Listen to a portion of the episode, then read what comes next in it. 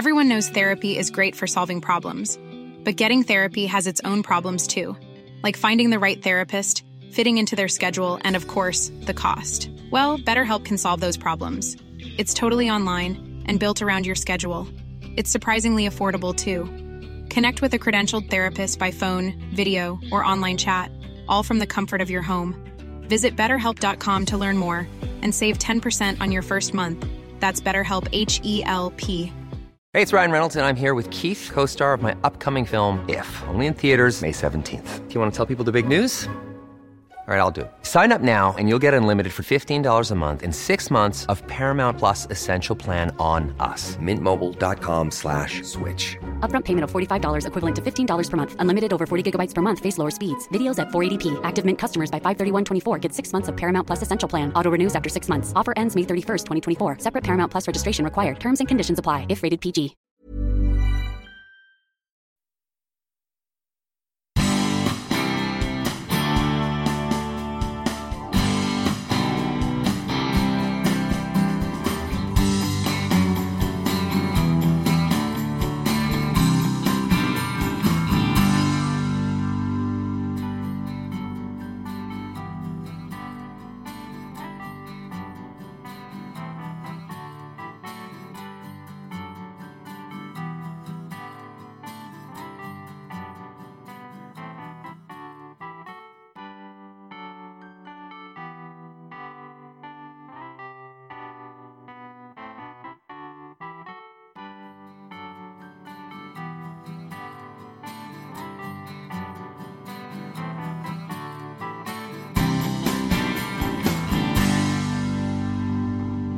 Jag kan se en tjej idag som jag tror kommer att be betyda lika mycket men för många fler än vad Olof Palme gjorde. Det är ju Greta. Alltså människor som fångar upp någonting stort och svårt som inte bara är i politiken för att eh, få röster utan också verkligen vill förändra, eh, tala emot, uppröra folk den egenskapen tror jag kommer att bli allt mer betydelsefull. Så jag önskar verkligen att eh, Greta blir en symbol också för de politiska ledarna. Skulle du behöva fler eh, Gretor fast ja, i andra år? absolut. Alltså Gretor, de där överlevnadsfrågorna som ju trots allt är det politiken förr eller senare måste våga ge sig i kast med som absolut är klimatfrågan. Men det är också frågan om eh, rasismen. Det är också frågan om eh, hur sjukvården ska våga förändras i takt med att människor förändras. Att eh, när vi lever längre och längre, hur ska vår ålderdom se ut? Eh, de riktigt svåra frågorna, det behöver politiken ge sig in i. Inte för att ha ett svar utan för att tillsammans med medborgarna hitta de svar som är möjliga för just vårt land att ha. För Olof Palme sa ju politik är att vilja. Mm. Um, vad, vad, vad är det man borde vilja idag? Dels så tyckte jag själv, och det pratade jag faktiskt med honom om någon gång, att politik får inte bara vara vilja, man måste också välja. Eh, du måste välja vilka frågor som är de stora, viktiga. Och du måste våga välja det som också väljarna inte vill att du ska säga. Så att då är det ju klimatfrågan. Det är orättvisorna mellan rika och fattiga, inte bara i ett land utan också mellan länderna. Och det är vad intoleransen och rasismen, homofobin eh, gör med människors eh, mod att våga leva de liv de faktiskt vill leva. Så att mindre materiella frågeställningar och mer till vilka strukturer i, i samhällena som möjliggör eller förhindrar för människor att leva hela och fria liv. Vad är det dagens politiker vill så som du uppfattar det? Eh, alltså, jag har ju varit en del av politiken hela tiden. Det är ju inte så att jag bara sitter och säger att andra inte har begripit någonting. Utan... Men det är ju några år sedan du var inne i politiken. Ja, nej, men jag bara menar att när man växer upp i politiken och låtsas att den är som en folkrörelse, att det verkligen drivs av vad väljarna och medlemmarna vill, eh, så kan man ju snabbt hoppa till idag och se att det är snarare vad SIFO säger att väljarna tycker tänker som sen politiken försöker visa att man också gör. Och då har man ju begränsat möjligheterna. Eh, politik måste, menar jag i alla fall, vara att också inte bara följa opinion utan också vilja bilda opinion. Och det är ju jättesvårt och det kanske är impopulärt och du kanske förlorar röster på det. Men i längden så är det nog de frågorna som politiken måste försöka våga ge sig på. Varför är det så som det är då, eh, då att, att man lyssnar mer på SIFO som du säger? Ja, därför att partierna har ju ett väldigt litet eget liv. Alltså det är allt färre medlemmar i partierna. Eh, det är en enormt stor skillnad mot i alla fall det vi låtsades fanns på 60 och 70-talet. För det hade ju sannerligen sina problem med, med kollektivanslutning och annat inom socialdemokratin till exempel.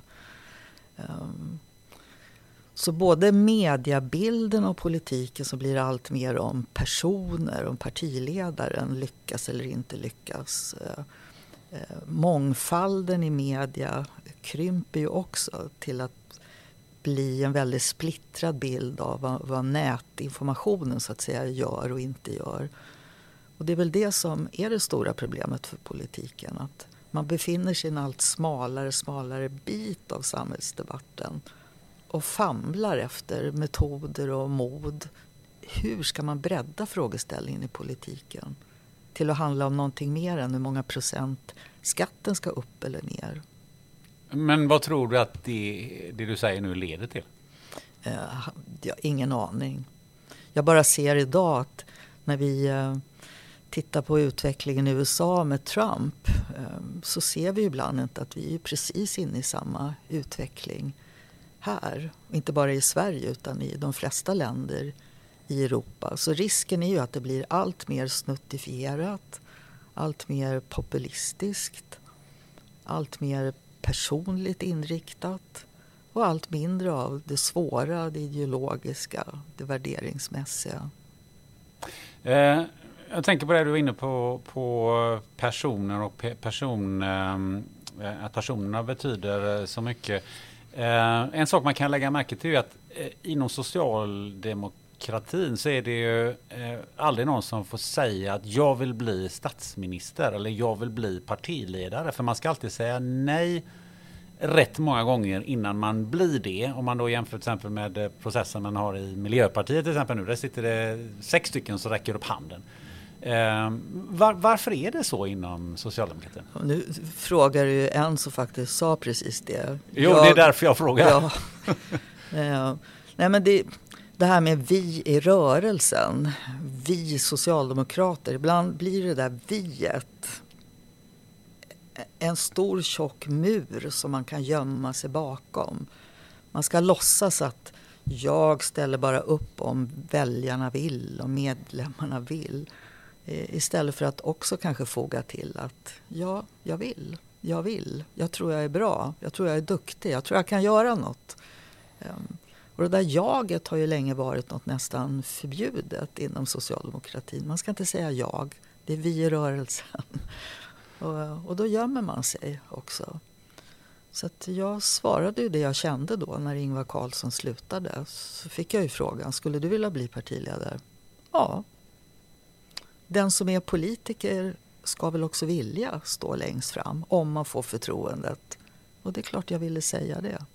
Ja, för att ta tillbaka till att politik är att vilja som, ja. som Olof Palme sa. Då måste man väl vilja ta steget fram också? Ja, och eh, när nu partiverksamheten är så mycket mindre och mer fragmentiserad i alla partier så oavsett om vi gillar det eller inte så spelar ju ledaren en allt större roll i att formulera vad det är just det partiet vill och vad man drömmer om och vad man arbetar för.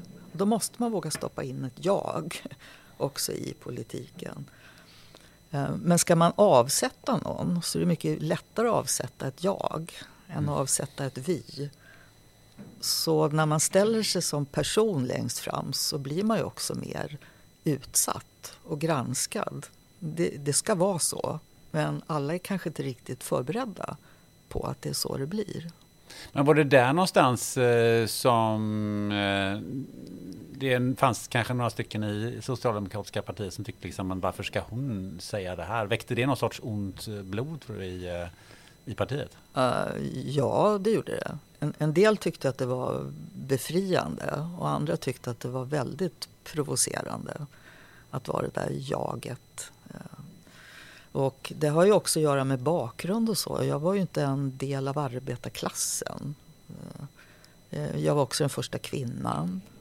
Jag hade också generat väldigt många med att kräva att man skulle prata om bögar och hiv-aids och frågor som många tyckte var absolut inte politiska utan någonting helt annat. Så att eh, det var ju många saker som gjorde att jag hos många blev väldigt uppskattad och hos andra blev väldigt ifrågasatt. Ja, för det förbryllar ju faktiskt mig en del eh, eh att just den typen av frågor inte var någonting man kunde prata mm, inom socialdemokratin som, så som du säger. För på något sätt så, så står man ju för lika berättigande inom andra områden såsom ja, framförallt lön då. Varför var det så kontroversiellt att, att prata om de här frågorna? Ja, men då måste man ändå komma ihåg den korta period i politiken som till exempel jämställdhet mellan könen är självklar. Det har den inte varit alltid. Eller när arbetarklassen också var undersköterskan och inte bara metallarbetaren. Eh, eller en tid när kärlek inte bara var mellan man och kvinna utan mellan två män och två kvinnor.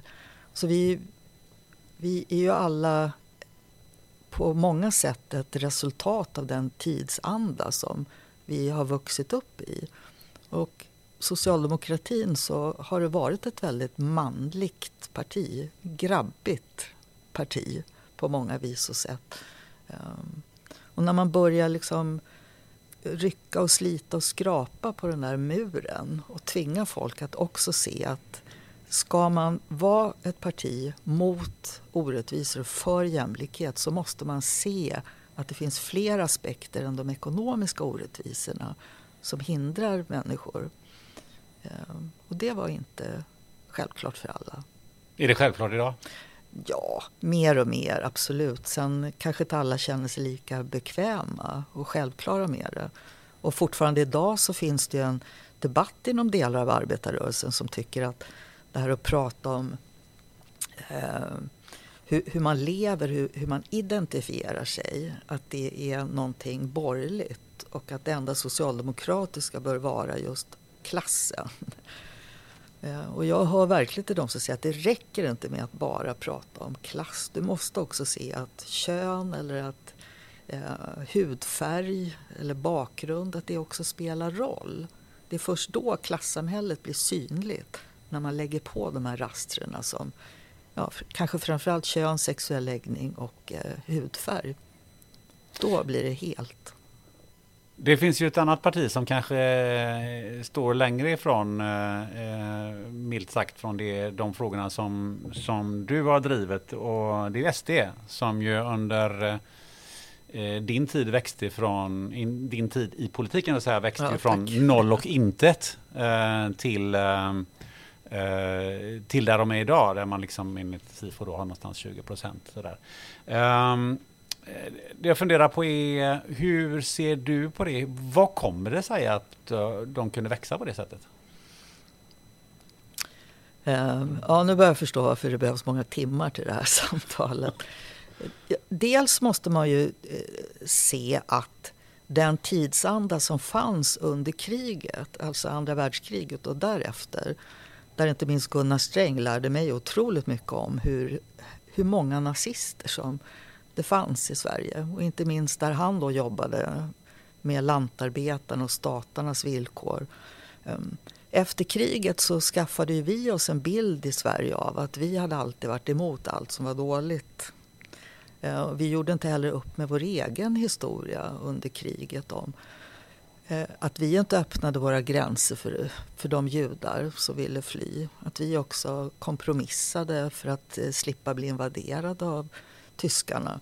Och under ytan så fanns ju också i Sverige nazisterna och nynazisterna har ju funnits där hela tiden. Och sen bit för bit under 70 och 80-talet när allt fler invandrare kom till Sverige. Till att börja med var det ju arbetskraftsinvandrare eh, från Jugoslavien, Grekland och så vidare. Så började ju också rasismen vara ett stort problem i Sverige. Men det pratade vi inte om därför att rasister fanns på andra håll och inte här.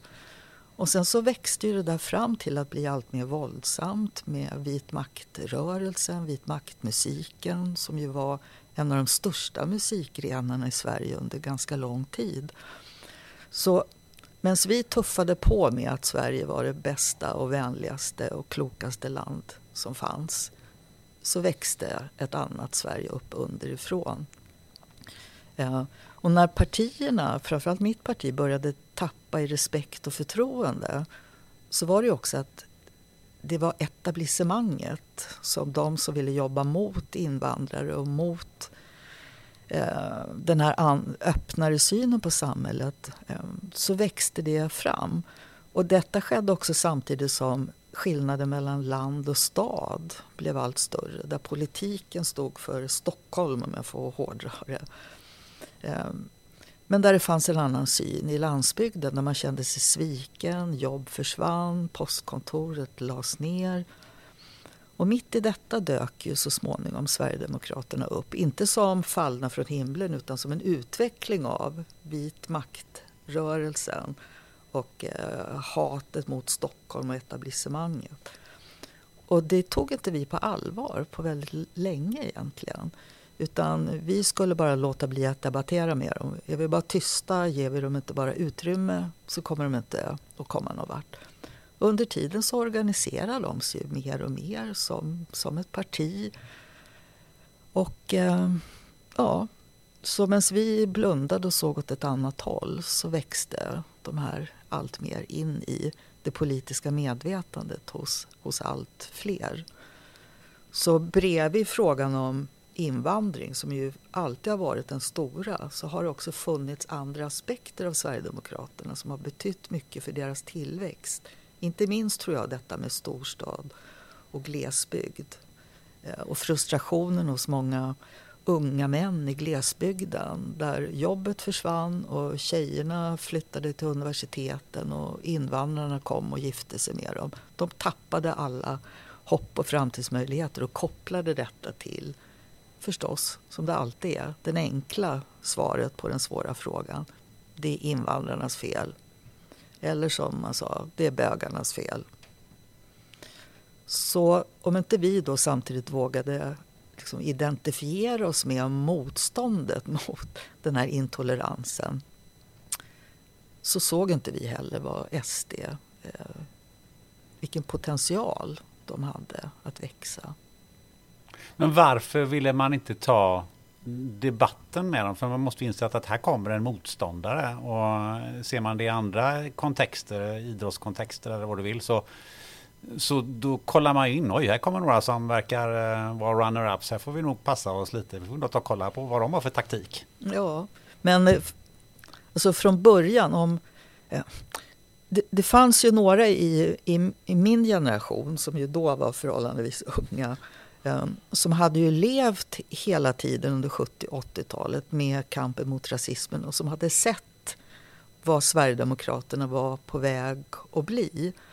Ehm, men om man inte själv hade varit där i den miljön så såg man inte heller, eller ville inte se, vad det var som hade börjat ske.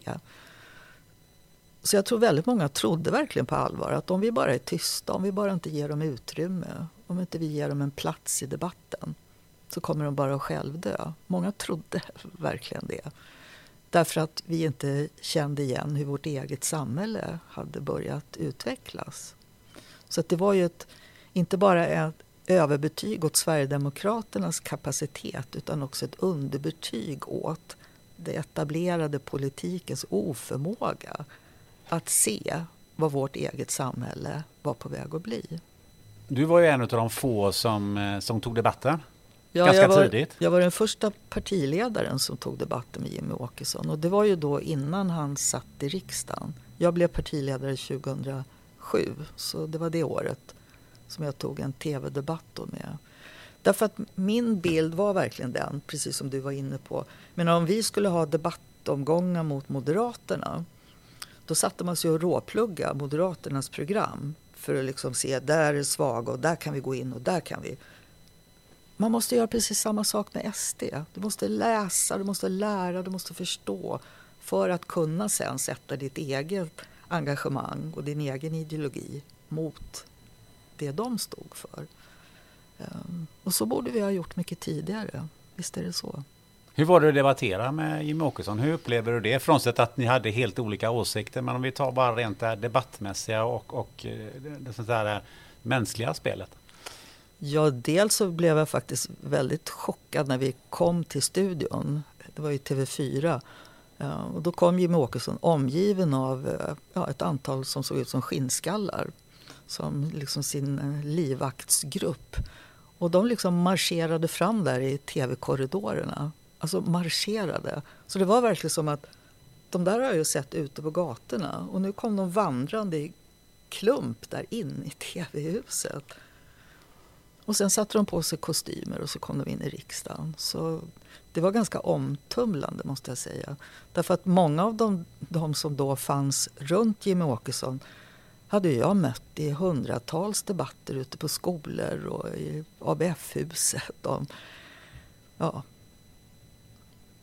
men vad har du för uppfattning om, om, om honom? Vilket personligt omdöme skulle du vilja ge om Jimmy Åkesson? Frånsett att han hade sina gorillor med sig på, när han kom in på TV4. Eh, eh, då hade ju Sverigedemokraterna en enda fråga som de ville driva och prata om och det var invandringen. Det var för många här, de kostade för mycket. Allt det vi inte hade råd med, bra pensioner, bra sjukvård, berodde på invandrarna. Så mitt försök var ju att också vidga den debatten. Att också prata om hur de såg på kvinnor, om synen på abort till exempel. Ehm, att de var ett eh, parti som var emot arbetarklassen för att de inte stod upp för de lagar som behövde skydda eh, arbetsmiljö och annat. Och det gick väl sådär kan jag säga. Därför att han struntade ju fullkomligt i allt annat än att idogt och envist och förbaskat skickligt leda varje frågeställning tillbaks till ni sossar förstår inte eh, hur Sverige var. Ni var bra på 60-70-talet. Nu är ni urusla för ni ser inte att er vurm för invandrarna är på väg att förstöra Sverige. Hela tiden, hela tiden. Och det var det jag menar med att vi underskattade så att säga den förmågan som de hade att koncentrera budskapet och att vi inte till fullo förstod hur många ute i Sverige som tyckte att det låg någonting i. Därför att i alla samhällen, i alla tider, i alla politiska system så dyker det upp en scapegoat, en som man skyller allt på. Och det är väldigt ofta juden eller invandraren du, eh, eh, hur mycket tycker du media och det så kallade etablissemanget eh, har eh, en, en, en skuld i den här eh, frågan? Eller vad borde de ha, ha gjort? Jag vill inte lägga skulden där. Jag kan väl bara konstatera att media brottades med samma frågeställningar som politiken gjorde. Och jag kan bara konstatera att den här offerkoftan som ju Sverigedemokraterna älskar att sätta på sig. De vårdar sina offerkoftor. Och, och där hjälpte ju både vi och media i stort med att sticka de där offerkoftorna hela, hela tiden. Ehm, och det var ju sådana här idiotiska saker som hände. Min efterträdare till exempel, Håkan Juholt, han avstod ju, han hoppade ju av en debatt i SVT helt och hållet därför att han Eh, Eh, skulle stå i podiet bredvid Sverigedemokraterna och bara vägrade. Och det var ju verkligen en offerkofta att sätta. Då satt de ju ändå i riksdagen. Ja. Och sen tycker jag också att journalistiken, precis som politiken, otroligt historielös när det gällde bakgrunden till Sverigedemokraterna och eh, hur hur den vit maktmiljö som hade utvecklats mer och mer, hur den faktiskt såg ut. Ehm, man kan säga, säga att min kunskap om den kom ju från en journalist förvisso, men det var ju Stig Larsson som ju eh, var med och drog igång Expo. En av de, kanske den enda som till fullo har granskat högerextremismen hela tiden.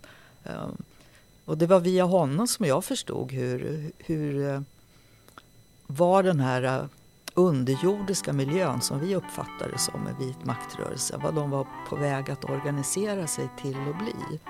Och han var också den första som sa till mig att har du en aning om hur hatad och hotad du är? Det hade inte jag, för det, det gick inte att googla på den tiden. Utan då var man tvungen att hitta andra sätt för att eh, förstå samhällsförändringar. Så journalistiken och politiken brottades med samma frågeställningar och gjorde ungefär samma fel, tycker jag. Har man lärt sig mer nu? Nej, nu är det snarare gått åt andra hållet. Att, eh, nu är det som när man är med i debattprogram att om man säger någonting kritiskt om SD så ska eh, journalisten ofta urskuldra det och säga ja, nu finns ju inte de här. Eh, ungefär som att politiken ju faktiskt är till för att poängtera vad jag tycker mot också andra. Nu är man så himla rädd för att trampa Jimmy Åkesson på tårna att risken är snarare att debatt helt uteblir istället. Hey, I'm Ryan Reynolds. Recently, I asked Mint Mobile's legal team if big wireless companies are allowed to raise prices due to inflation. They said yes. And then when I asked if raising prices technically violates those onerous two-year contracts, they said, "What the f*** are you talking about? You insane Hollywood ass." So to recap, we're cutting the price of Mint Unlimited from $30 a month to just $15 a month. Give it a try at mintmobile.com slash switch. $45 up front for three months plus taxes and fees. Promo rate for new customers for limited time. Unlimited more than 40 gigabytes per month. Slows. Full terms at mintmobile.com. There's never been a faster or easier way to start your weight loss journey than with PlushCare. PlushCare accepts most insurance plans and gives you online access to board-certified physicians who can prescribe FDA-approved weight loss medications like Wigovi and Zepbound for those who qualify. Take charge of your health and speak with a board-certified physician about a weight loss plan that's right for you. Get started today at plushcare.com slash weight loss. That's plushcare.com slash weight loss. plushcare.com slash weight loss. Everyone knows therapy is great for solving problems, but getting therapy has its own problems too, like finding the right therapist, fitting into their schedule, and of course, the cost. Well, BetterHelp can solve those problems. It's totally online and built around your schedule. It's surprisingly affordable too. Connect with a credentialed therapist by phone, video, or online chat, all from the comfort of your home. Visit betterhelp.com to learn more and save 10% on your first month. That's BetterHelp, H E L P.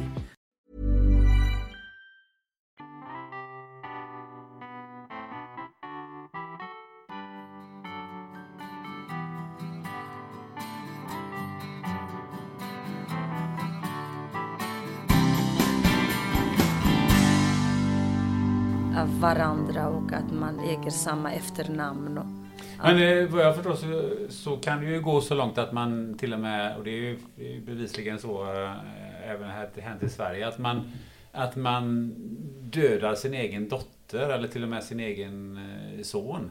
ja, det, det Hur, hur kan det gå så långt? Ja, det är faktiskt en bra fråga. Jag har också själv tänkt på hur kan, hur kan kvinnorna särskilt att vara med i planeringen där de, det är ju en del av dem. Barnet är ju en del av en själv eller en syskon eller en pappa ens vågar döda det.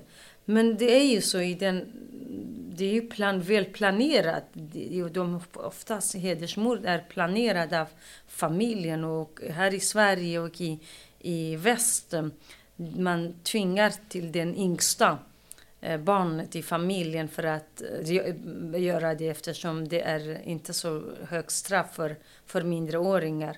I Sverige har vi säkerligen en halv miljon kvin, unga kvinnor och äldre kvinnor som är, som är utsatta och, och mörkertalet är ändå större. Senast var ju för kanske sex år sedan det var i Astrid Schlitters Schlyters undersökning, det var nästan en kvarts miljon barn och unga vuxna var utsatta. Jag möter väldigt många i mitt arbete i varken hora eller kuvad. Vi möter ofta skolor, skolpersonal. Mycket oro kring Många barn försvinner till exempel. Många barn anmäls för barnäktenskap, tvångsäktenskap. Och, Och allt det här handlar om könsstympning. Det, det är hederskultur som lever kvar. Och man har kommit till segregerade områden. Eller också inne i stan, för att det är inte bara segregerade områdena förstärker men det innebär inte bara folk i segregerade områden har hederskultur. De segregerade områdena där det finns moralpoliser, religiös fundamentalism och mycket också makt och kontroll över flickorna, flickornas sexualitet och vardag. Men det finns många familjer också som är indisk bakgrund eller kurdisk, eller arabisk, turkisk, eh, libanesisk. Till och med, man kan också faktiskt vara romer och judar och kristna ortodox som, som har hederskultur. Kanske inte på samma sätt jättehård, men man vill att man ska vara oskuld. Man vill att hon inte ska ha pojkvänner där rykten går. Och sen hinduer, till exempel sikher, de är inte ens muslimer. De har det här problemet. Så i många länder i världen finns könsstympning finns i 33 länder. Varför könsstympar man? flickor till exempel i många delar av Afrika och i Asien, i Nordafrika.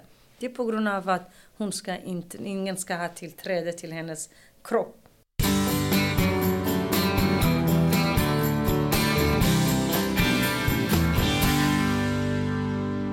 Den här podden den sponsras av Life Genomics, ett kliniskt laboratorium i Göteborg som bland annat erbjuder covid-tester har du precis bokat en resa på kort varsel och behöver PCR eller antigentest för covid-19? Ja, då kan du gå in på coronapassport.se för att hitta en vårdgivare i din närhet och boka en tid för test och friskhetsintyg. Life Genomics har samarbete med ett 150-tal kliniker över hela Sverige. Och om du reser från Arlanda eller Landvetter så kan du nu även testa dig direkt ute på flygplatsen vid Life Genomics labb i samarbete med vårdgivaren Express Care. Där kan du få ett antigentest med reseintyg inom 30 minuter och ett PCR-test och reseintyg inom 2-4 timmar. Så, gå nu in på expresscare.se och boka din tid direkt. Tack, Life Genomics!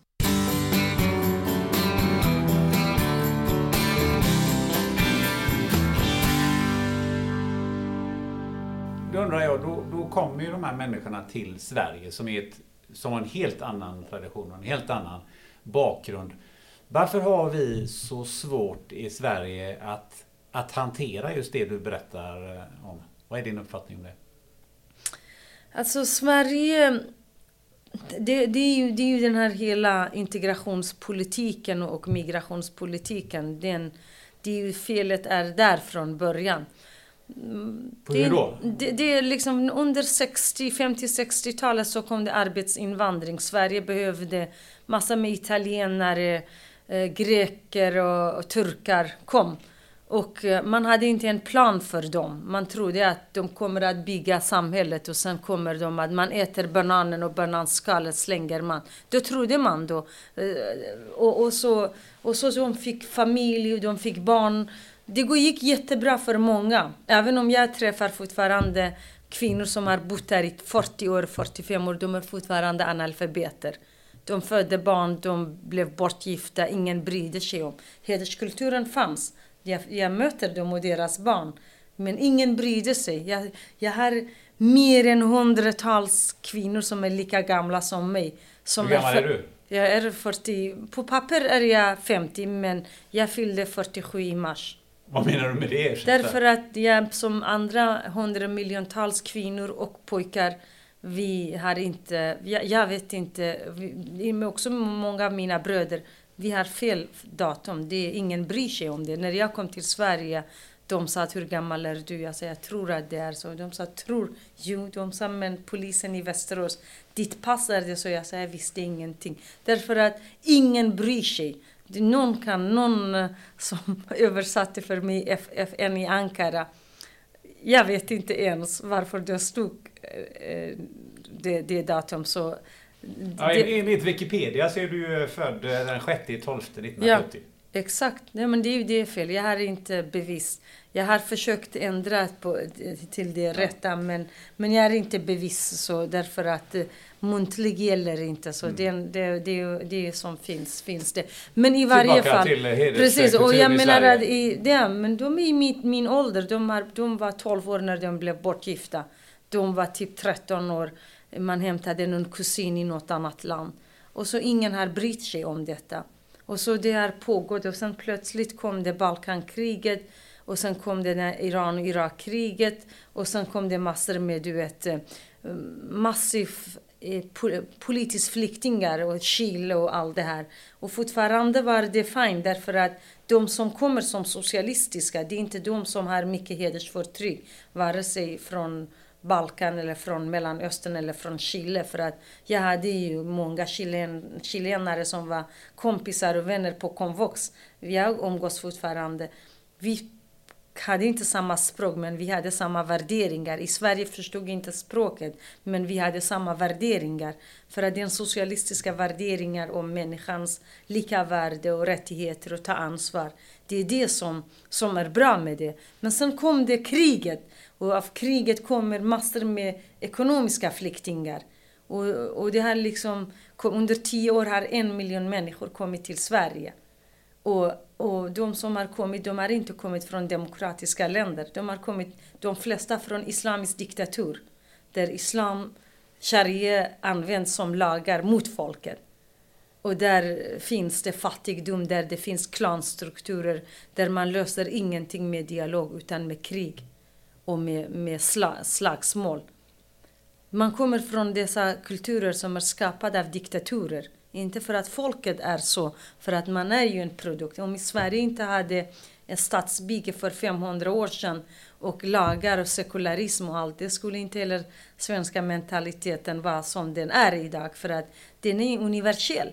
Den kommer ju från franska revolutionen. Ingen, jag var lika jag hade samma värderingar som vilken modern svensk som helst i kurdiska bergen. Men sen finns det andra i min familj som har den andra mentaliteten. Så vi kan inte dra alla människor över en kam. Vi kan inte säga alla invandrare är så, alla är hedersförtryckare. Alla är. Men däremot kan vi säga att kvinnor som grupp, precis som man säger i Sverige där patriarkala strukturer finns, eh, där eh, vi, vi har också patriarkala klassstrukturer, religiöst förtryck och hedersförtryck där både kvinnor och män eh, medverkar i det. Både mammor och pappor och eh, systrar och andra, andra medverkar i. Det blir mer komplicerat. Kanske vi i Sverige hade vi under häxjakten på kvinnor det var det, om kvinnor dansade eller kvinnor var kloka, smarta, gjorde sina egna självval. Då mördade de, man brände. Det blev sån kollektiv. Till och med ens egen barn var mot sin mor. Då brände man kvinnorna.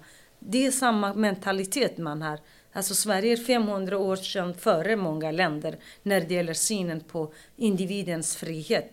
Jag är för den kollektiva för att men, men när det gäller den individuella rättigheten, det är annorlunda. Så varför finns det... Så därför att den individuella, sekulära, demokratiska som Sverige har kolliderar med det kollektiva, medeltida, patriarkala, stark patriarkala, finns också patriarkal i Sverige, stark patriarkala och religiösa eh, klankultur. Även om alla inte kommer därifrån så alla dras över en kamp. Så därför att det är så... Eh, man har också en integrationspolitik där könsblind och alla klumpas in i en och samma grupp. Och alla också människor i ett område, men vi är ju väldigt, väldigt olika. Så allt det här har inte man kunnat bena ut, även om vi har haft migration och eh, arbetarinvandring sedan 50-talet. 50 Eh, och fortfarande vi är på, på eh, liksom termostats noll. Och, och man snackar sönder saker. Jag är socionom sedan 21 år tillbaka. Fortfarande, vi hade samverkan och samarbete. Vi satt i timmar för att prata om vad är samverkan och vad är samarbete. Förstår du? Bara det. Fortfarande hör jag polisen, skolan, socialtjänsten civilsamhälle, familjerna. fortfarande överallt. Jag har också en podd, Hederspodden i Varken Hora eller Kuba, då intervjuar poliser och många, mina egna kollegor. Jag säger, ha, det är 13 år sedan jag var riksdagsledamot. Jag har lämnat förvaltningen men inte kampen för att min kamp för kvinnors och flickors rättigheter är i förorterna. Och då hör jag hela tiden, det är dålig samverkan. Men snälla, varför har ni inte lyckats på 21 år? Då Pela mördats och Fatima, Fadima mördats för 20 år. Och Sara mördats 96. 94 tror jag till och med. Och så många andra mord har skett. Varje år mellan 6 till 8 hedersmord sker i det här samhället. Det inte ens beskrivs. Alla balkongflickor, alla invandrarkvinnor som mördas och dumpas, inga medier berättar. Oftast är det hederskultur. Och då, då har man bra lagar nu. Nu har hela regeringen, och för att säga något gott om Stefan Löfven, han med hela sina händer har påpekat att vi vill inte ha fundamentalism, vi vill inte ha eh, islamisk fundamentalism eller andra extremister. Vi vill inte ha hederskultur. Vi vill ha svensk demokrati och allas lika värde. Och man har också lyckats med flera lagar. Men själva lagarna är viktigt. Men det säger inte så mycket om du inte också jobbar med värderingsförändringar. Och det är det jag funderar på. För att du eh, var ju tidigare vänsterpartist. Eh, mm. och nämnade Vänsterpartiet eh, fram, framförallt för att ni hade olika åsikter om de här eh, frågorna. Sen finns det andra som har haft en annan version av det, men det spelar ingen roll. Men jag tänker mig, om jag håller mig till, just till där. och så pratade jag om socialism och, och så vidare. Och då blir jag lite fundersam på varför har då ett parti som, som ju är socialistiskt, varför har de problem med den här frågan? Hela den socialistiska rörelsen i Europa har det är inflation. De, de, har, de, de, de, de har problem. Varför har de, problem? De, de, så här är det. Eh, I Amerika och i Europa den här anti-imperialistiska rörelsen och Latinamerika naturligtvis. Så den här USA och imperialismen och du vet, och det är ju sant. Vi är också antiimperialist men jag ser också att det finns andra länder som är imperialister som Iran, som Saudiarabien, som Turkiet. De krigar i andra länder. De här vill inte se. Så både islamisterna men också kommunister och eh, socialister är antiimperialister. Där har de enats. Och där, tyvärr, det är precis så i Sverige också. Man har ju som mm, till exempel en del av KDs politik är också vänsterns där, du vet, att värna om människan och de är varm och du vet stöd och hjälp och allt det här. Så det, det är ju inte ont i sig, men problemet är inte Alltså problemet är att det förväntas av socialistiska rörelser att vara antiimperialistisk, att vara antirasistisk, men samtidigt också se andra problem finns också bland socialister, bland islamister, bland andra. Där kvinnorna, där barnen, där barnäktenskap, det är tvångsäktenskap, tvångsslöja, niqab, hijab, könsstympning, barnäktenskap. Alltså tusentals andra problem. Det är flickor, barnet och kvinnor som betalar det. Och vi är mer än halva befolkningen i alla de länderna där särskilt krig har varit. Kvinnor är mycket mer procent än männen. Vem står upp för dem? Om svenska vänstern eller Socialdemokraterna eller... Men jag har inte så mycket förväntningar av Moderaterna. Faktiskt nu nästan den den eh, högerblocken, de har mer, eh, och liberaler och så, stått upp mer när det gäller hedersförtrycket än Vänsterpartiet till exempel. Senast 2020, alltså förra sommaren, det kom ju den här skärpningen av barnäktenskapslagen. De reserverade sig emot. De Varför det? Därför att alltså de, ut, utskottet, de tyckte att eh, det var, de, de, tycker, de tyckte att enligt där att man utpekar grupper. Men det handlar inte om grupper. Kofi Annan var generalsekreterare för FN. 2005 sa han att hedersförtrycket är en global problematik. Därför måste vi också hitta globala lösningar där 5000 barn under 15 år blev mördade 2005. Redan då. Och det finns könsstympning i 33 länder. Och i de länderna bor inte Svensson, blåögda Svensson. Det är faktiskt araber och turkar och kurder och assyrier och mm, inte vet jag, judar och mm, kaldier och alltså, alltså kristna och alla bor där. Eller hinduer. De är inte ens i Sverige. De, I de länderna sker. Vad, vad har man för, för, för förklaring då? Vad är det den där jävla anti-imperialism? Förlåt jag nu Du vet, det är ju det, den där, den där man, man, man, har, man är vilsen. Man har inte en analys av vad som har skett under de här senaste 40 åren sedan iranska islamiska eh, republiken tog över makten. Och det var det Khomeini ville. Hela världen skulle tänka som han. Och det blir, nu kom Daesh Eh, det kom Iran här involverat i, i, i fundamentalistiska grupper i Irak, eh, i, i eh, Gaza, i Houthi-rebellerna och det är Hamas i, i Libanon och, och Turkiet också kör ända i Libyen till Balkan. Och så håller de på att konkurrera Eh, den, eh, och, och, och Qatar och Saudiarabien som är fundamentalistiska sharia-lagar gäller som i Iran. Och de också hjälper de här Daesh-grupperna och, och Al-Qaida och, och, och det här.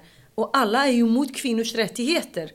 Och de här är absolut inte några anti-imperialistiska rörelser. De är själva imperialister. Och då har man ingen analys av det. Och så lyssnar man inte heller på radikala feminister som jag som men, oss. Men, och de det... lyssnar på konservativa män. Titta, Mehmet Kaplan hade Miljöpartiet. Eh, vad heter Khani hade de. Omar Mustafa hade Socialdemokraterna. Inom vänster finns det också massor med alias parti och de, även om de är inte fundamentalister. Men de försvarar fundamentalister. Problemet är det. Och, och, och, och Moderaterna hade Wahabiri och Center hade också. Det finns inte något parti som är helt ren mjöl i sin påse. Så det här har grundat sig någonstans. Nu har de vaknat förutom vänster och, eh, och några till, tyvärr. Där fortfarande man, man kan inte ha olika bollar. Ja, man kan vara god socialist, anti-imperialist, antirasist. Men du ska också stå upp för kvinnors rättigheter, för de är homosexuella. Homosexualitet i många länder det är totalt förbjudet. Det, det, att vara homosexuell det är med döden i hederskulturen, det är värre. De flesta är ju hbt-aktivister i Sverige. Om de lämnar Sverige och åker till de länderna vet de att de är homosexuella. De skakar inte ens hand med varandra. Alltså hur, Mm, hur kan man acceptera det? Hur kan svenska politiker sitta hemma i sina egna liksom kök, vid köksbordet och sätter på slöja och så säger de att vi är feminister. Vad fan, vad är det feminism i niqab och hijab och allt det här? Vad är det i den? Kan, de, kan alla de här så kallade feminister tala om för oss kvinnor i Kurdistan, i Iran, i Turkiet, i eh, många arabiska länder där man har kämpat emot muslimska kvinnor och män kämpar emot hijab obligatorisk hijab. Vad är det i det? Så vänster är vilsen. De har ingen analys efter andra världskriget, eh, efter, efter eh, 80-talet, mm, varken i Sverige eller i många andra, andra nordiska länder, men också i USA. Och allt är antirasism. Du är den bästa när du... Vi är antirasister. Ingen har, ingen har varit så utsatt för rasism som kurderna och vi andra i Mellanöstern. Där vi, jag sa i början, fortfarande mina syskon får inte gå i, eller syskons barn i skolan och läsa, läsa kurdiska, de ska läsa farsi. Vad är det om det inte är total etnisk diskriminering? De, vi vet vad rasism är. Vi behöver inte, de behöver inte lära oss. Jag bor i ett område i 21 år där är det total eh, eh eftersatt. Jag letar efter en lägenhet, jag kan inte för att du måste vara väldigt rik för att kunna hitta en, en hyreslägenhet i stan. Så den, den vet jag, den vet vi.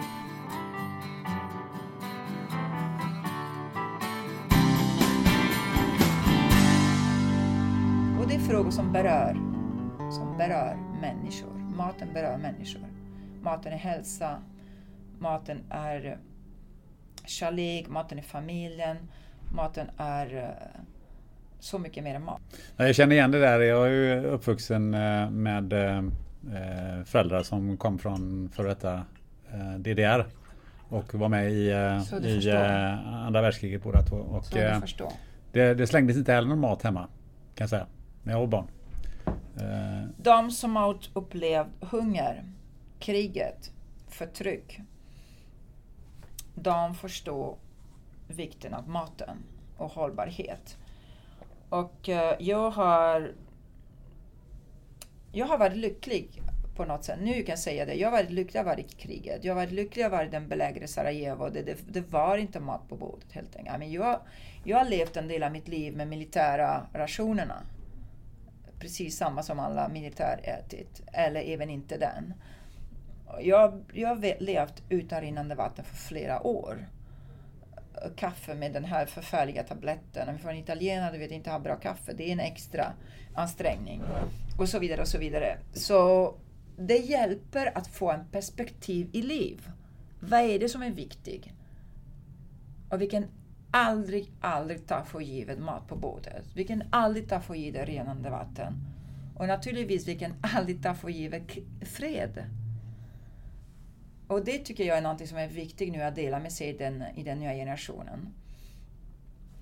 Som tar alltid för givet.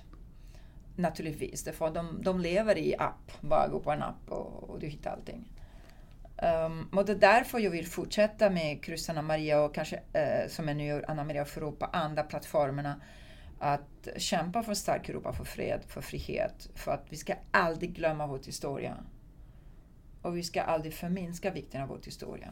Jag tycker du är inne på ett eh, tema där vi ska avrunda så småningom men jag är lite sugen på att eh, höra, höra lite för du har ju ändå träffat eller åtminstone haft eh, att göra med på, på distans med en del makthavare i, både i och utanför Europa. Och jag tänkte att om du bara kunde kommentera några av de här personerna utifrån, kanske inte helt personligt, det får du bestämma själv, men, men eh, mer utifrån hur du ser på dem. Eh, så om vi tar en sån till exempel som Boris Johnson. Mm. Ja, men det är klart att jag har träffat under åren många stats och regeringschef och, och så vidare och så vidare. Um, jag är inte den typ som blir liksom uh, du vet, på, den här, på det här sättet kanske jag har lärt mig från Sveriges jämlikhet. Man har respekt, men det är inte att... Uh, men vad är det för en person? Boris Johnson är en av de värsta politiker och eh, regeringschef tyvärr nu som jag träffat i hela mitt liv. Varför då? Överallt i hela världen, Europa. Jag träffade en del. Jag, jag brukar inte ge personliga bedömningar. Jag brukar bedöma politiker för sina gärning. Och, men han är en dålig person. Och jag träffar honom personligen. Jag tycker inte det är en person som har integritet. Jag tycker det är en, en primadonna som, eh, som drabbar hela sitt land och sin befolkning och oss också här i Sverige och Europa. För det har konsekvenserna på oss också. Hur han nu ska kanske påminna alla, han är nu eh, Storbritanniens statsminister och har varit utrikesminister och partiledare av Torypartiet, konservativa partiet som är ledande partiet. Så det har en betydelse att han är en dålig person. Uh, han uh, sätter sin egen makt och sin egen ego före allting annat. Och uh, har inga värderingar. Så styrs bara av opportunism. Så jag har utmanat honom i München Security Conference, jag brukar gå varje år, där du har alla möjliga makthavare. Och han var på en paneldebatt, ska jag berätta för dig? Ja, absolut. Uh, han var på en paneldebatt, du hade John McCain, väldigt berömd, uh, du vet, senatör. Han har alltid varit uh, jättestor personlighet. han leder kongressen, delegationen och så vidare och så vidare. nu det finns McCain Institute, jag menar stor. Sen du hade Poroshenko som var på den tiden, det var på två år sedan, um, Ukraina-president i mitten av kriget som berättade om krig i Ukraina och allting möjligt med rys ryska aggression och du vet krimannektering. Så, som också någonting som jag varit väldigt engagerad. Jag är svartlistad av Putin uh, på grund av min engagemang för Ukraina. Så det är något jag känner Du är svartlistad av Putin? Ja. Jag, Vad innebär det? Du kan inte åka till Ryssland? Jag eller? har vistelseförbud Aha. på grund av att jag har stått upp eh, alla dessa år som eh, medlem i Joint Commission for Ukraina eh, mot Ryssland. Okej. För ukrainska folket på deras sida, Mm. från Majdan-tiden. Så eh, det var något som engagerade mig och sen det var eh, holländska utrikesminister som jag känner väldigt väl. eh, på den tiden vi hade jobbat tillsammans som valobservatör i Bosnien. Du vet, många som jag känner, de kommer från, vi hade träffat på Bosnien- Bosnien-tiden. När jag kom in i Europaparlamentet, jag kände så många redan i korridoren. Så i alla fall, och sen det var Boris Johnson. Så han pratade i slutet, den, den, den, den, den vanliga teatral sätt att överprata, överskrika, över allting. Hans eh, stil som är alltid överdriven. Och sen han sa And finally we will have the liberation from Europe. Och det tycker jag var bara för mycket. Varför det? Um, liberation. Befrielse från Europa som om det var liksom andra världskriget, Normandie, eh, förstår du? Typ eh, de Gaulle och Churchill eh, på barrikaderna i London, eh, Radio Free Europe kind of thing. Um, så jag kommer i alla fall Gunnar från en familj som har drabbats väldigt hårt. Att första världskriget och andra världskriget, både min mammas familj och min pappas familj. Och eh, min pappa är 90 nu och han berättar fortfarande när vi är i Tabiano Castello på terrassen. Han säger, du ser där, du hade brittiska flygplanen som bombade där. Och på den tiden det var inte precision. Och de, de, deras mål var att bryta den här bron.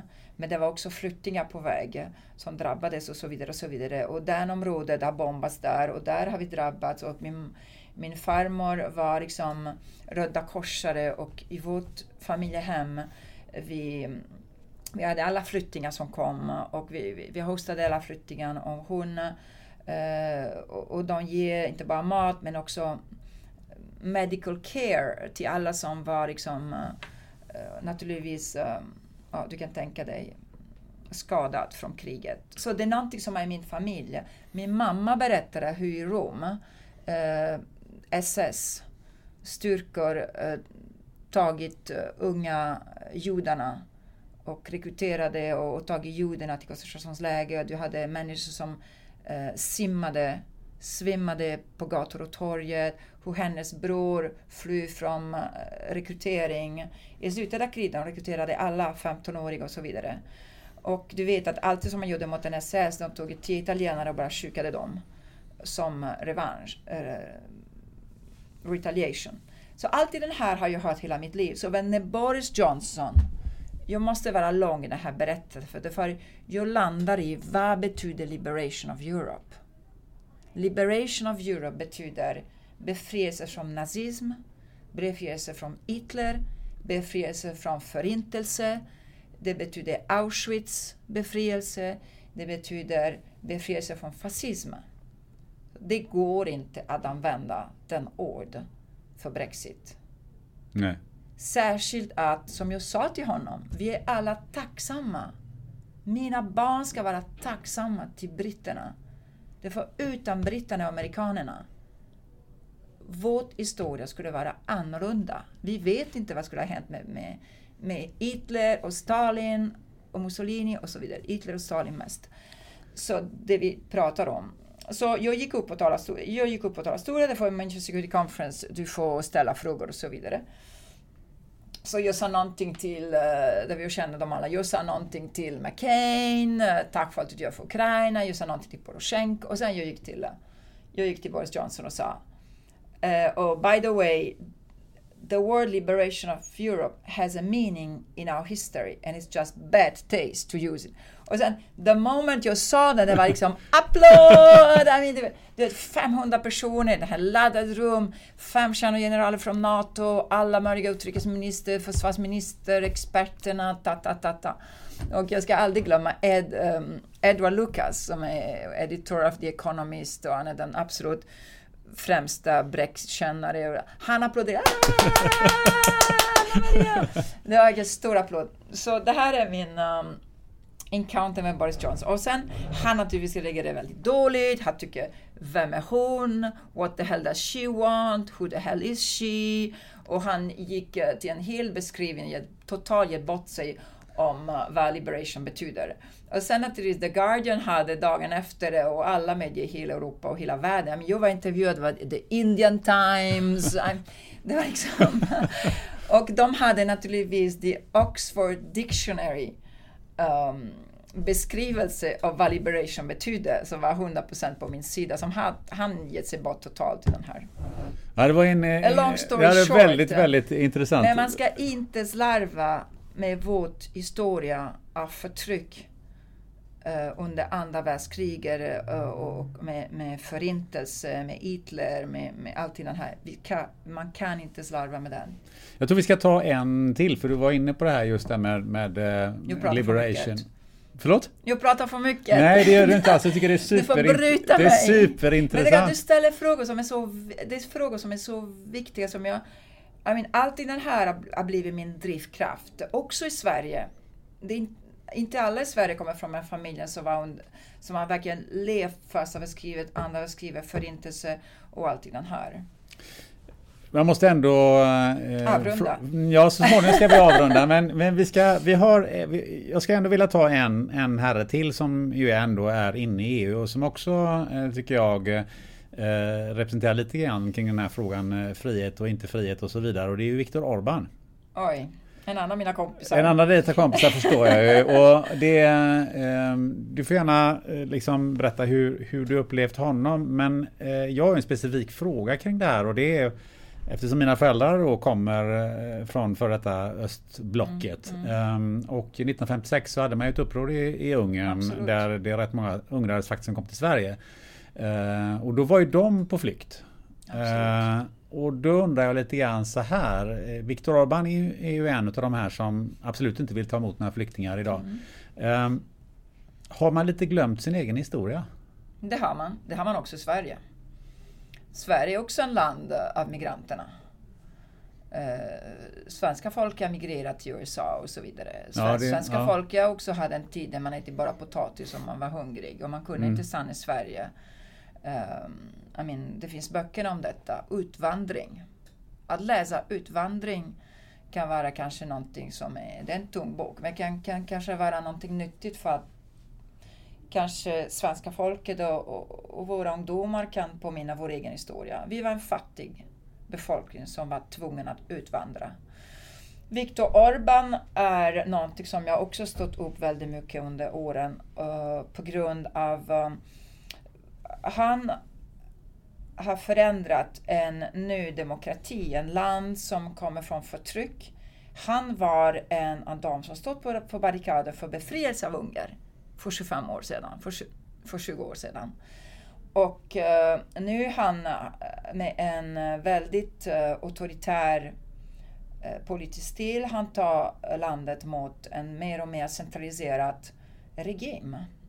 Där man bryter mot rättsstatsprincipen, man bryter mot mänskliga fri och rättigheter. Man bryter mot de regelverket som är grunden av vår gemensamma Europa. Är du medlem av familjen, du måste respektera de grundläggande värderingar som familjen bygger på.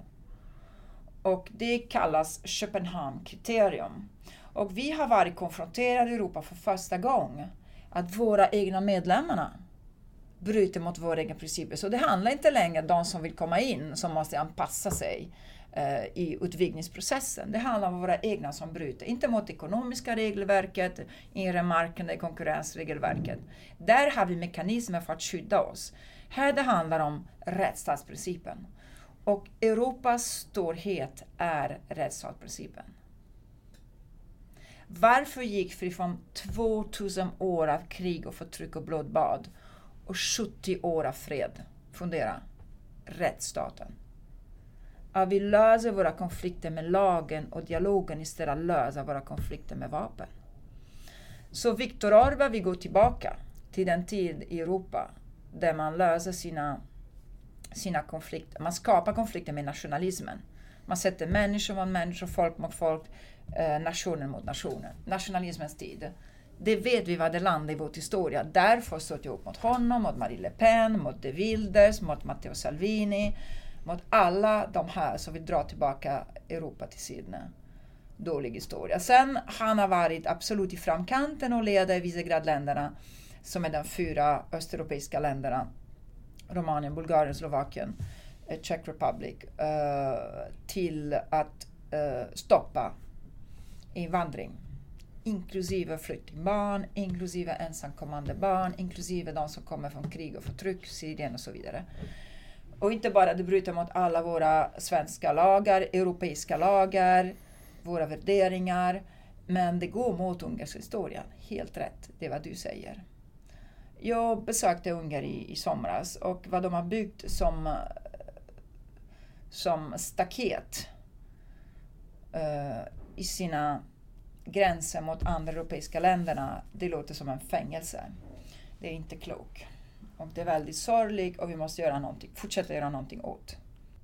Du ville säga något mer om, eh, om Viktor Orbán innan vi ska... Ja, tre sakerna. En, det är klart att det är upp till ungerska folket att fatta beslut. Vem ska vara deras ledare? Det, det är de som väljer, det är inte vi som väljer. Det är demokrati. Det vill jag inget missförstånd.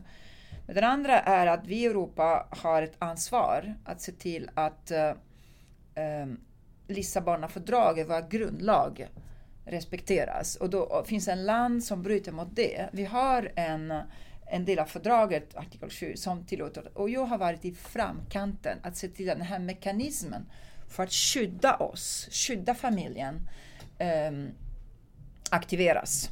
Och det var inte lätt. Så den här processen är på G. Det är upp till kommissionen att se till att eh, medlemsländerna sköter sig. Men det får, man kan inte politisera uh, rättsstatsprincipen. Men det är väldigt viktigt att vi använder alla medel vi har. Och, uh, och det har varit väldigt engagerat. Den tredje är, som bekymrar mig med Ungern, är relationen med Sverige. Därför de, det finns en smitta just nu. Ja, det, det finns Sverigedemokraterna som åker till Budapest med en anteckningsbok för att lära sig populismen, för att lära sig nationalismen, för att lära sig extremismen. Och, eh, så det finns en eh, väldigt, väldigt, i min syn, farligt och bekymmersam koppling. Och väldigt mycket smutskastning, kampanjen och fake news mot Sverige design och byggs i Budapest. I mean, det, det, eh, och, och det är väldigt mycket länkar med Trump. Och det har blivit en smutskastningskampanj mot Sverige som Sverige från innovation, digital, eh, land, landet, svenska modeller, alltid, alltid vi älskar och gillar. I Sverige har blivit land av kriminalitet, av massinvandring, av, av, av liksom muslimsk extremism och islamism och så vidare. Det är inte sant. Vi vet att vi har våra problem med integration och gängvåldet och säkerhet och så vidare. Men att, att vi tillåter en partiet i Sverige, Sverigedemokraterna, att ägna sig med utländska styrkor från Trump till Orban att designa och använda eh, sociala medier för att smutskasta svenska folket, det tycker jag är bekymmersamt och det tycker jag är något vi ska fundera med Putin naturligtvis också. Uh, vi har massor med bevis att, att, om detta. Det finns massor med bevis om detta. Och det är någonting som kanske man ska fundera lite mer. Är det okej okay att man driver en kampanj mot Sverige från Budapest, Washington och, och, eh, och Moskva? Ja, det kan man ju och det finns en rikspartiet som aktivt medverka, jobba med dem, samarbeta med dem och lära sig från dem de onda metoderna för att eh, ehm, manipulera och snedriva vår demokrati.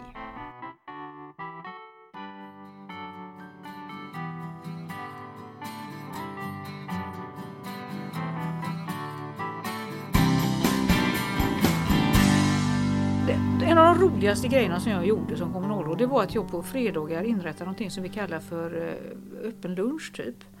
Eh, och då var jag på en deli i Haga. Det här var bara typ 45 minuter varje fredag. Då bjöd jag in. Jag kommer att sitta där. Hallå, eh, kom dit. Om du är arg eller glad eller fråga, vill ställa frågor eller någonting sånt där. Och eh, ibland kom det tio.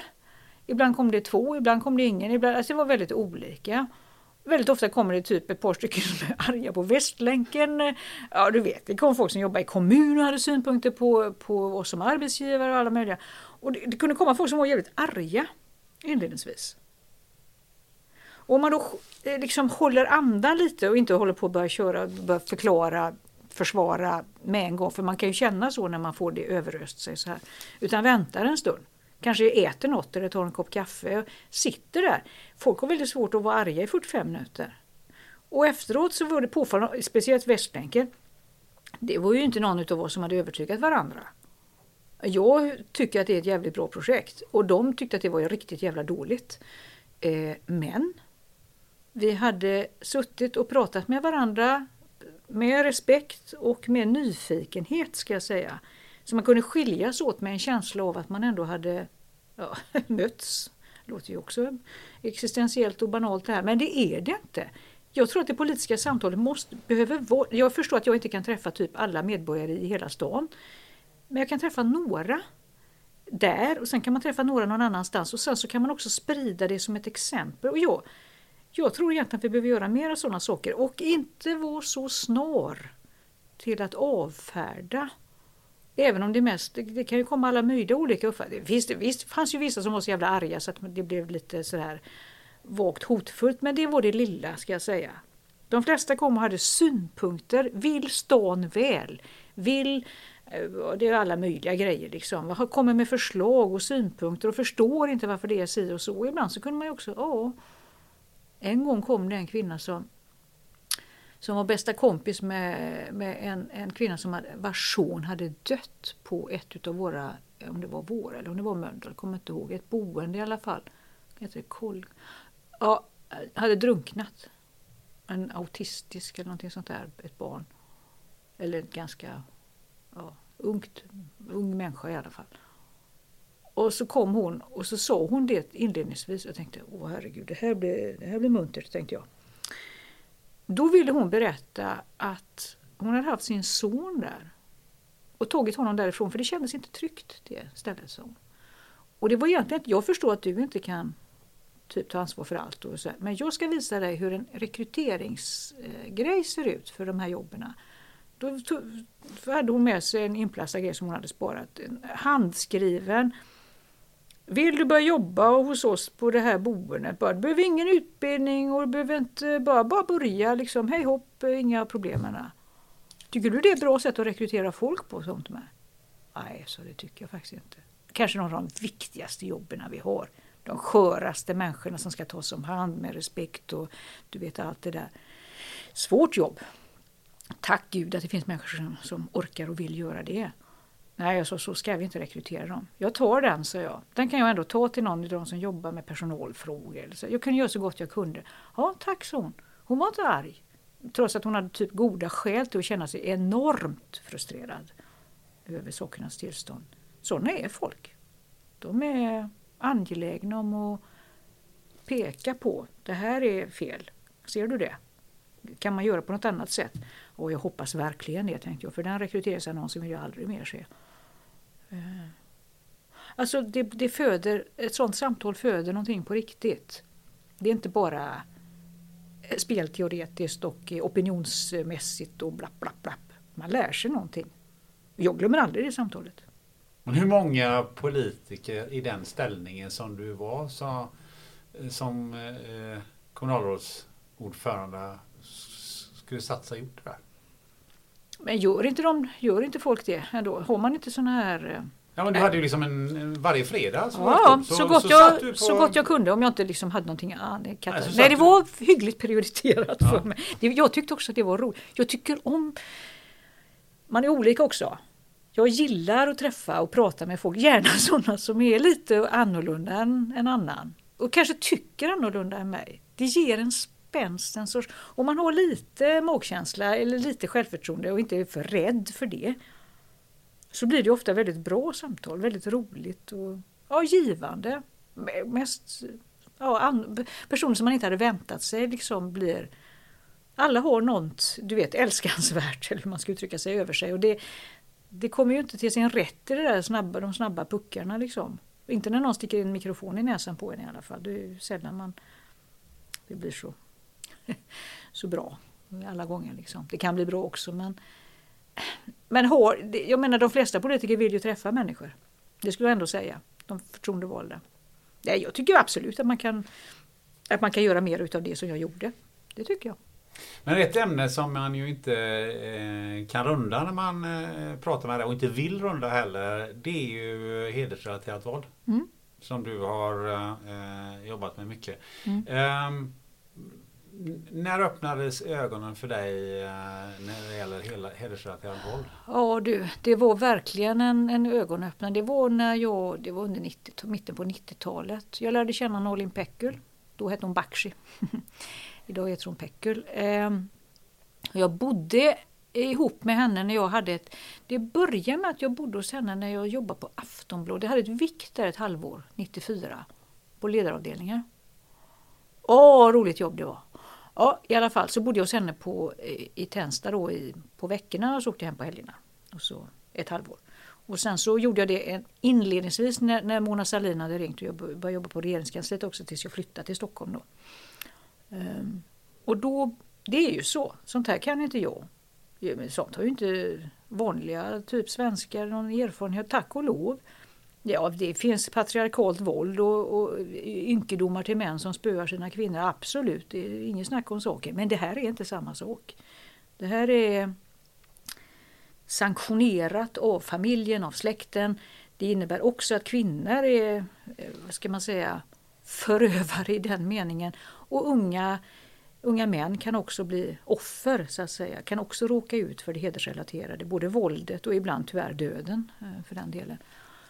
Jag kommer ihåg en natt jag satt med Nalin i hennes kök och hon beskrev liksom det där systemet och jag helt plötsligt, men vad fan menar du så att vi har, alltså vi är en rättsstat. Vi, hon är också SSU-are, du vet, hon hade samma vi hade ju ändå varit ungdomsförbundare och nu var vi typ sossar och så här. Hon skulle sedermera, då jobbade hon som sjuksköterska i Tensta, eller i Rinkeby var hon tror jag.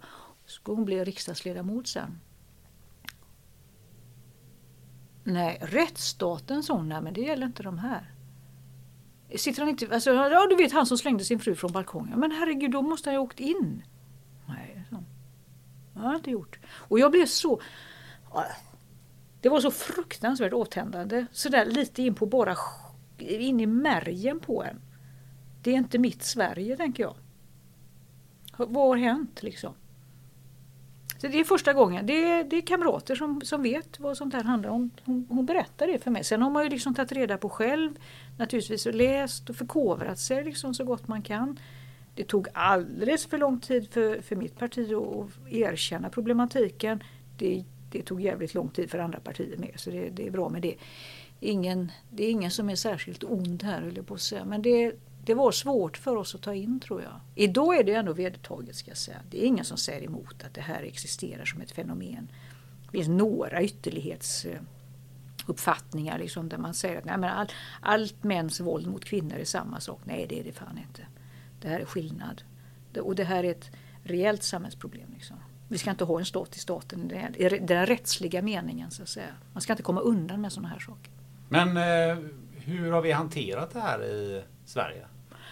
Alltså valhänt inledningsvis ska jag säga. Men idag är vi ändå Ja, du har ju hört Stefan Löfven i ett antal regeringsförklaringar vid det här laget uttrycka både avskyn och uppmaningen att vi ska hata det och göra någonting åt det, åtgärda det. Så fort vi stöter på den här sortens strukturer så ska vi jobba aktivt emot detta. Och det tror jag inte är, vem säger emot det idag? Det är det nästan ingen som gör.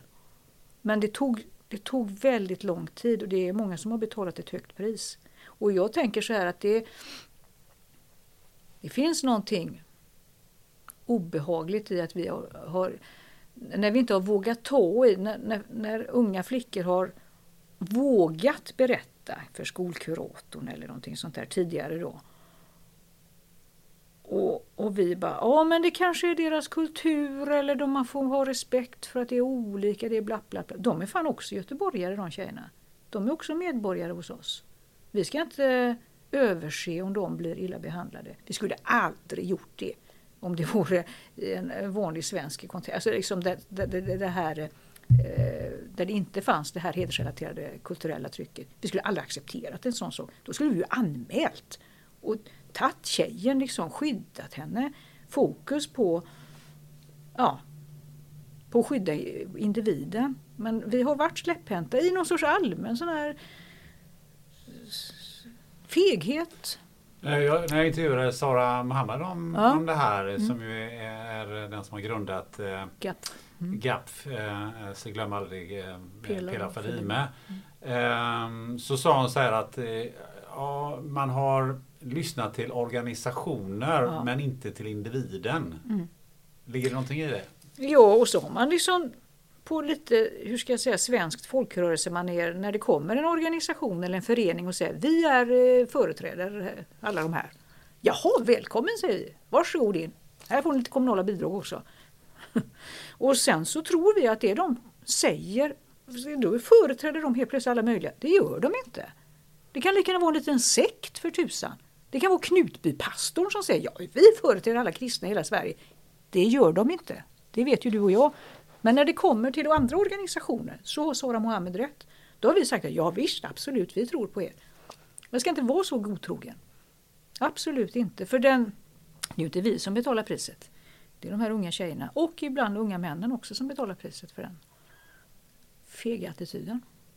Men du sa så här att, att det är skillnad nu men eh, ändå så har du ju också sagt att eh, för, för två år sedan i, i valet Ja. att du blev tillsagd att prata inte så mycket om det där. när jag blir tillsagd att tona ner det. Men det handlar ju också om det här med dåligt sällskap antagligen. Alltså i en valrörelse, nu handlar det här om att avsätta mig om helt andra saker. Maktkamp är aldrig snyggt. Skit i det. Det fanns olika inslag i det.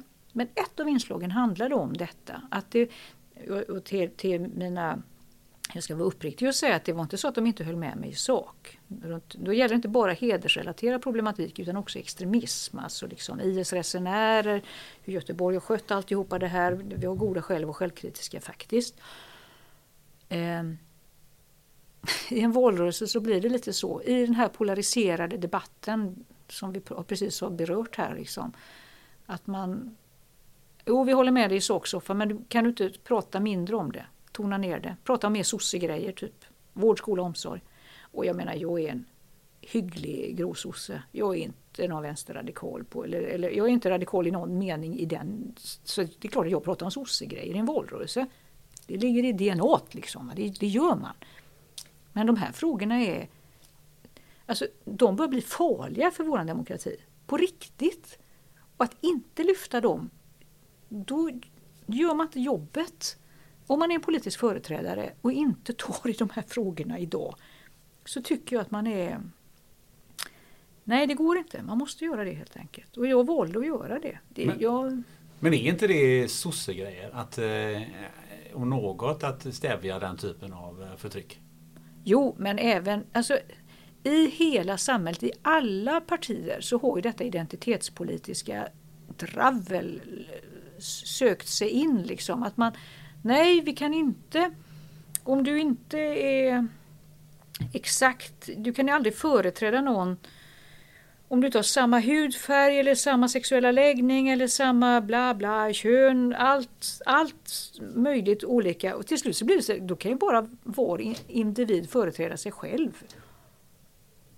Allan Studinski, min advokat, ja, han, är- han är också liberal faktiskt. Han, han, sa, han tycker så han sa det någon gång till mig att Alltså alla politiska förtroendemål måste ha så pass empatisk förmåga att man förmår sätta sig in i andra människors situation. Annars är man ingen bra företrädare. Nej, du håller med dig om det. Då måste du klara liksom att kunna företräda andra, även om du inte har exakt samma erfarenheter.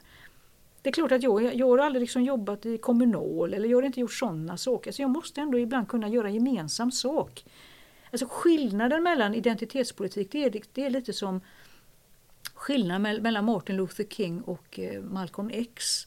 Alltså det, antingen är det konfrontation, svarta mot vita och bäste, må bäste man vinna typ. Eller så är det Martin Luther King. Jag har en dröm om att hudfärg fan inte ska spela någon roll. Att det ska suddas ut, att vi ska vara individer och att det är våra andra företrädare som ska spela någon roll. Då är Martin Luther King hundra gånger mera värd. I mitt huvud är det så. Men det är ganska mycket i den här identitetspolitiska diskussionen som handlar om det här konfrontatoriska. Att man, är, man ska fightas liksom och man ska vinna. Eh, och jag tror, att det, jag tror att det är dåligt. Jag tror inte att det är det vårt samhälle behöver.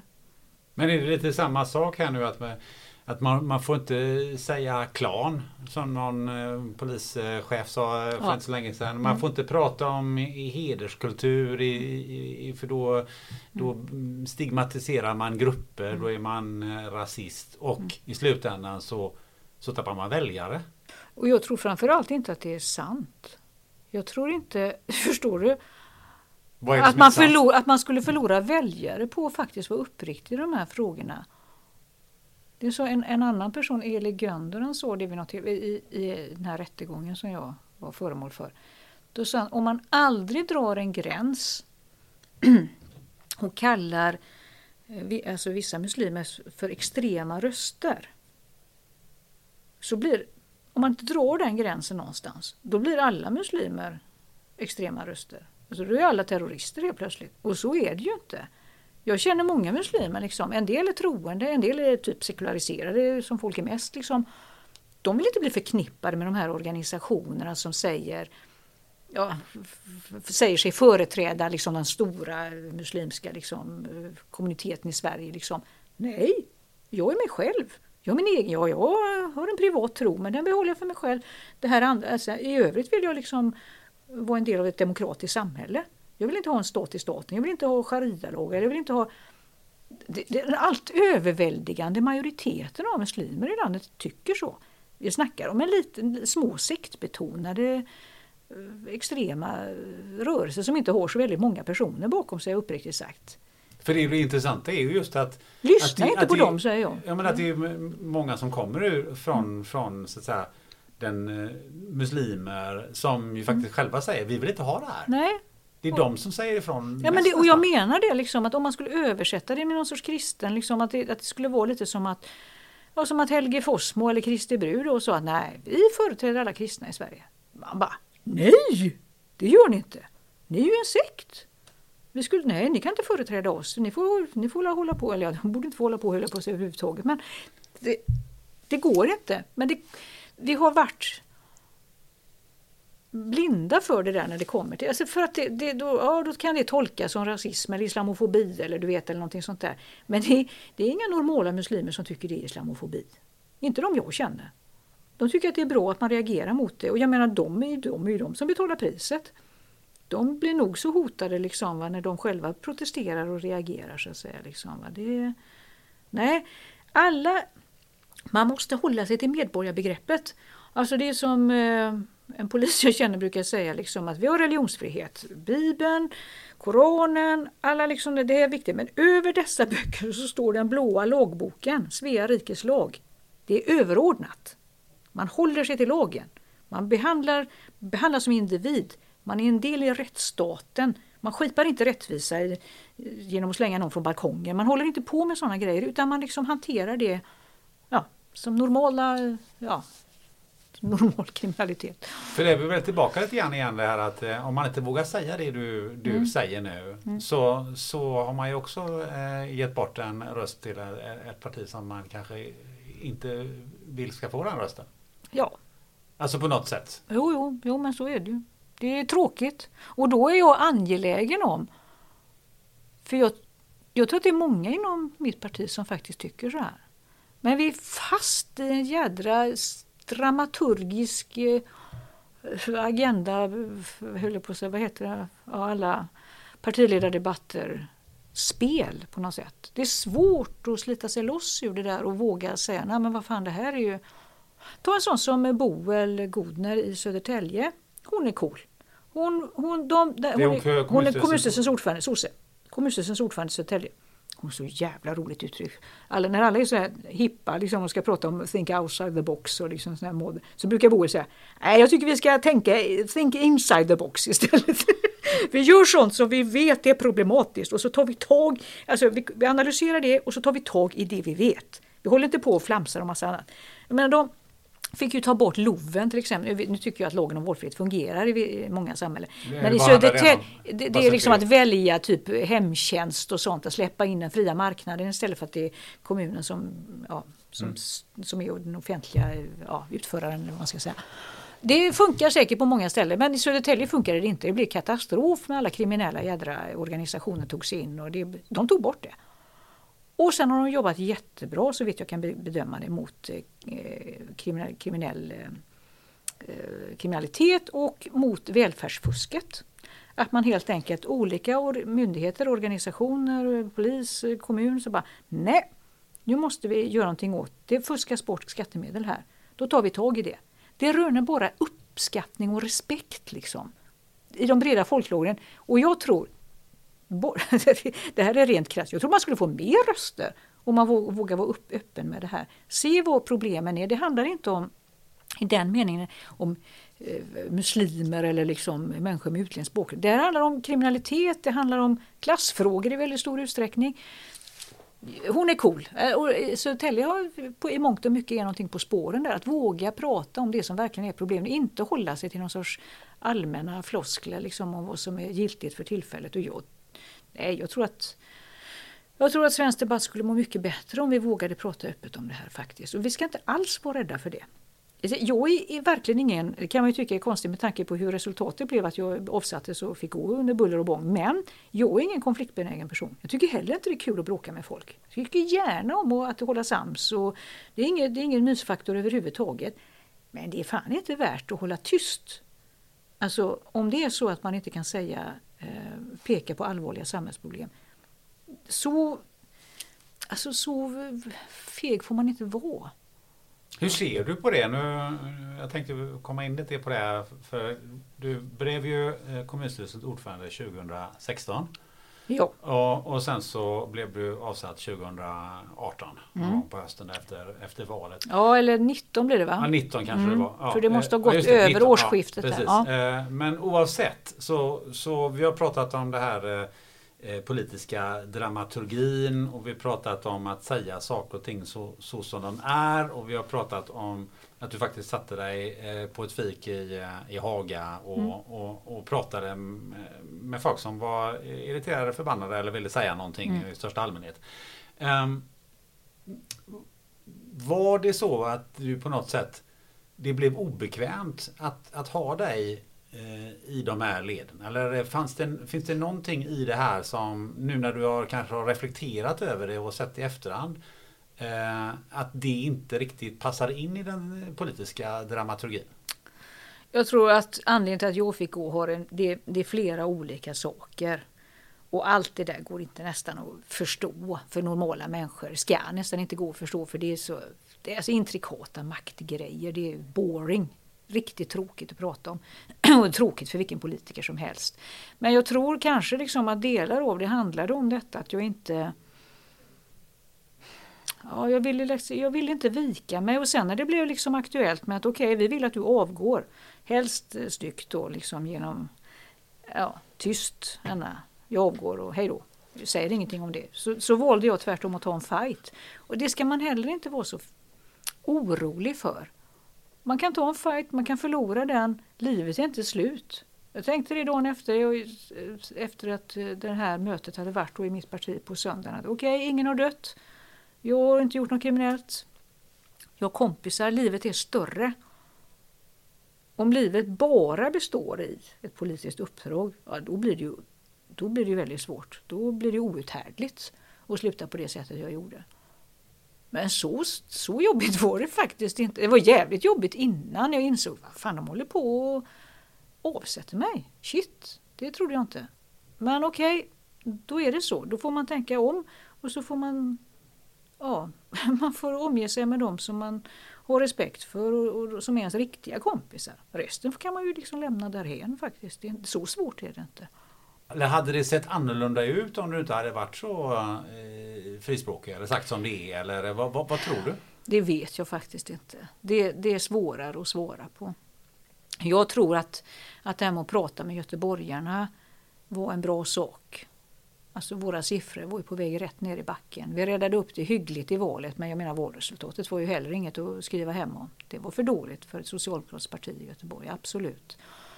Det kunde ha blivit sämre, ska jag säga. Liksom. Men, men som sagt var, det fanns ju, menar, i den meningen formella argument för att, eh, för att avsätta en, en, eh, en grupp, gruppledare för Socialdemokraterna. Men ja, jag vet inte. Det är svårt. Svårt att svara på den frågan. Jag tror att eh, de som ville någonting annat än det jag ville, de vann helt enkelt. Och det är bara att gilla läget då. Det är så det ser ut. Men jag tycker inte att det är fel att ta en fight. Och sen när jag står upp, jag tycker så här. Jag viker inte ner mig och försvinner ut med svansen mellan benen liksom och bara tyst och stilla till partiets... Så så det behöver inte vara så dåligt att ta en fight, faktiskt. Men sen så, så um, bytte ju du jobb totalt. Mm. Då var det till, när vi började jo, jo. i, i uh, renhållningsarbetariet och sådär.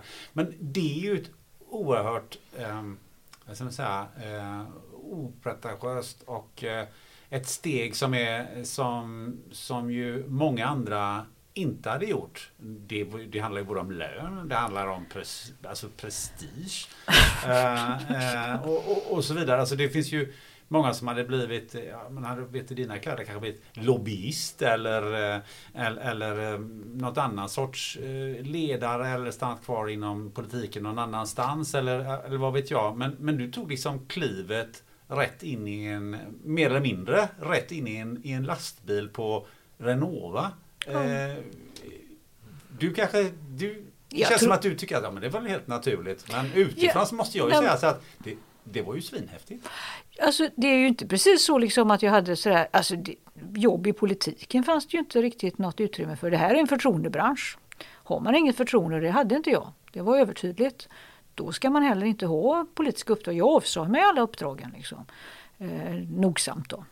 Eh, så att, och sen tog, hade jag trots allt nio månaders ersättning. Jag tog den tiden och funderade på vad fan ska jag göra nu då? Eh, jag, hade, jag är, tror inte jag hade blivit någon bra lobbyist heller. Jag är inte bra på sådana grejer. Liksom. Oh, oh, svårt verkar det. Eh, och så har jag ett C-kort sen förr eh, som jag aldrig har typ jobbat med. Men jag har ett C-kort, alltså tung lastbil. Tänkte, fan. Jag satt på en del i Håga, så kör Renovas bil förbi, så är det sån här reklam. Sök sommarjobb hos oss, Renova. Fan, jag har C-kort. Jag ringer Renova. Och så sa de på HR-avdelningen, har du YKB? Nej, vad fan är det, så jag. Ja, det är yrkeskompetensbevis. Det har riksdagen i all sin visdom beslutat 2009 att man måste för att kunna köra trafik. Annars kan du typ bara köra flyttlastbilen åt dig själv eller någonting. Men du får inte liksom... Du kan inte söka jobb här om du inte har det. Ja, okej, okay, då köpte jag, gick jag en sån kurs. Köpte den. Så, ja, så tog jag det. Och så hade jag YKB och sen så sökte jag jobb igen och sen så ja, vi har inga jobb just nu. Och sen så ringde de och sa nej, men vi kanske har ett jobb i centrum. Köra baklastare och eh, hämta ja, avfall. Då. är man två i bilen och jag tänkte ja, det låter bra.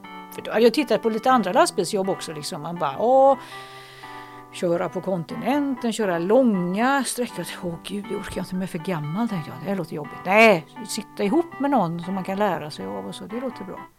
Så jag, ja, så då hoppade jag på det och så fick jag jobb här. Jag började här i januari. Men det, ja, jag vet inte, det ena gav det andra. Jag, jag vet inte vad jag skulle tagit för ett annat jobb riktigt.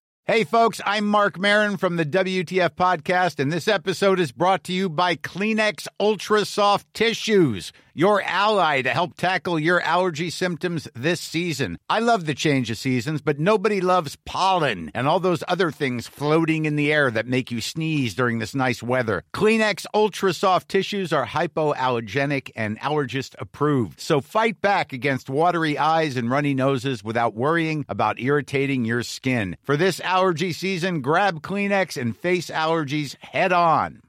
Imagine the softest sheets you've ever felt. Now imagine them getting even softer over time. That's what you'll feel with Bowl and Branch's organic cotton sheets. In a recent customer survey, 96% replied that Bowl and Branch sheets get softer with every wash. Start getting your best night's sleep in these sheets that get softer and softer for years to come. Try their sheets with a 30-night guarantee. Plus, get 15% off your first order at bowlandbranch.com. Code BUTTERY. Exclusions apply. See site for details.